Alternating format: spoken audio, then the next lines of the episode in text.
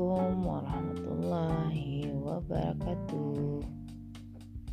Selamat datang ayah bunda.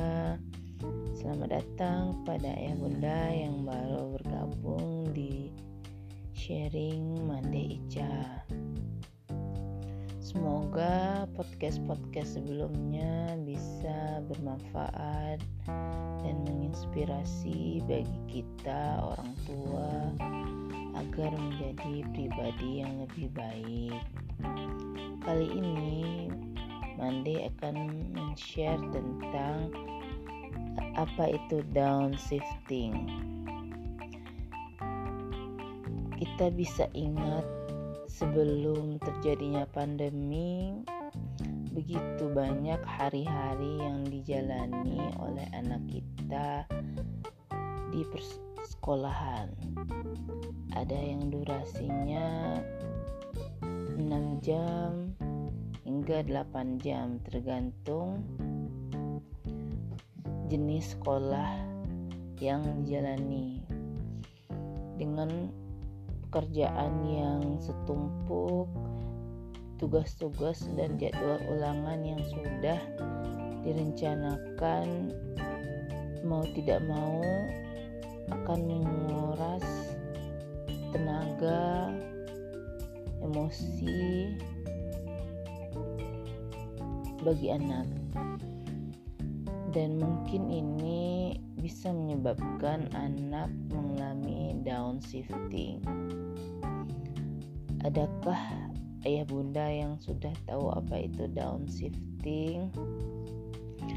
Downshifting adalah adanya tekanan kognitif yang berlebihan yang menyebabkan kelumpuhan saraf-saraf otak anak. Di mana hal ini terjadi karena anak-anak mendapatkan tekanan beban kognitif yang istilahnya bertubi-tubi dari kegiatan persekolahan sehingga hal ini menyebabkan uh, kehilangan keterlibatan emosinya dalam belajar Hal ini membuat anak menjadi malas belajar dan mogok karena mereka merasa otaknya dah buntu. Kita bisa mencontohkan ketika anak-anak tidak paham dengan satu mata pelajaran, biasanya orang tua akan menyarankan anak mengikuti les. Tetapi terkadang anehnya, ketika semakin banyak les yang diikuti oleh anak bukannya nilainya menjadi lebih baik tapi malah menjadi tidak karuan ini bisa jadi salah satu uh, indikator bahwa anak-anak mengalami kejenuhan belajar. Dan kita juga tahu bahwa keterlibatan emosi dalam belajar itu sangat penting sehingga uh, pelajaran apa pun yang dia pelajari ketika dia emosinya stabil dan adanya emosi ketika dia belajar maka itu akan lebih mudah untuk dia menyerap pelajaran.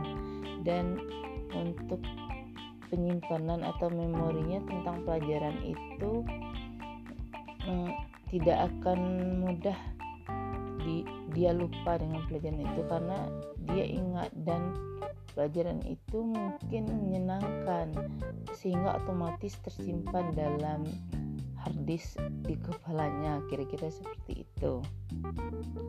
Nah ini perlu kita sadari karena karena kesibukan kita terkadang dan begitu banyak pencapaian-pencapaian yang uh, harus didapatkan oleh anak membuat kita abai dan luput sehingga anak yang menjadi korban dari kegiatan-kegiatan ini. Lalu apa pengaruh lain dari downshifting?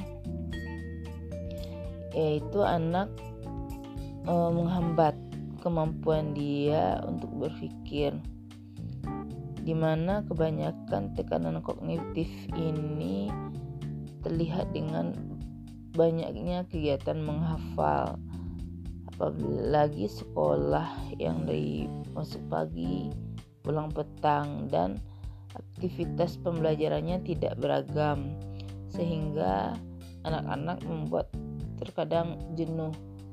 Apalagi tipe-tipe anak yang tidak suka pelajaran hafalan di mana mereka lebih suka pelajaran yang berasa alias uh, banyak eksperimennya itu mereka akan tersiksa sekali jika hanya pelajaran yang berbasis hafalan yang mereka dapatkan di sekolah mereka merasa terkadang itu tidak menantang untuk mereka kuasai. Dan ini kita juga bisa melihat dari hmm, gaya belajar anak yang ada visual, kinestetik, atau auditory. Ini juga perlu jadi perhatian tidak saja sekolah tapi terutama orang tua karena yang mempunyai tanggung jawab pendidikan itu adalah orang tua bukan sekolah jadi orang tua harus mempunyai alasan yang kuat kenapa anaknya harus sekolah tempat ini atau harus sekolah di tempat lain hal itu diputuskan oleh orang tua lalu hmm, Downshifting juga menurunkan kemampuan afektif atau respon anak.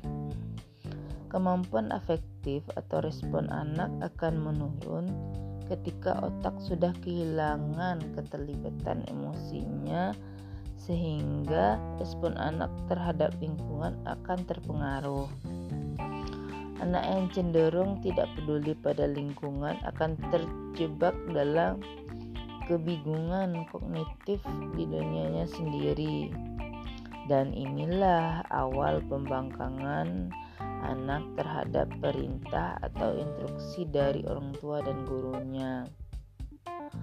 Bukankah tidak sekali dua kali kita melihat kejadian ini dan anehnya kita orang tua lebih suka untuk kembali melemparkan bola panas ke anak terkait pembangkangan yang mereka lakukan. Bukannya kita introspeksi diri dan introspeksi bersama dengan anak kenapa mereka menjadi seperti itu. Karena pada awalnya anak-anak kita adalah anak-anak yang ceria, penurut, dan lama-kelamaan mereka menjadi berubah. Ada apa di balik itu semua perlu kita kaji bersama dan kita perlu legowo untuk menerima apa pun yang mereka curahkan. Kalau kita mau terjadi perubahan pada anak kita bukan melulu mengikuti standar-standar nilai uh, yang begitu membuat kita terkadang stres. Dan apalagi anak-anak mereka juga bisa kehilangan keinginan mereka untuk menentukan pilihan apa yang mereka mau dan tidak mau untuk dikerjakan. Kira-kira sekian ya ayah bunda pembahasan tentang dan shifting kali ini. Semoga bisa menjadi perenungan bagi kita bersama dan materi ini banyak mendeh dapatkan dari buku orang tuanya manusia. Sampai jumpa kembali. thank you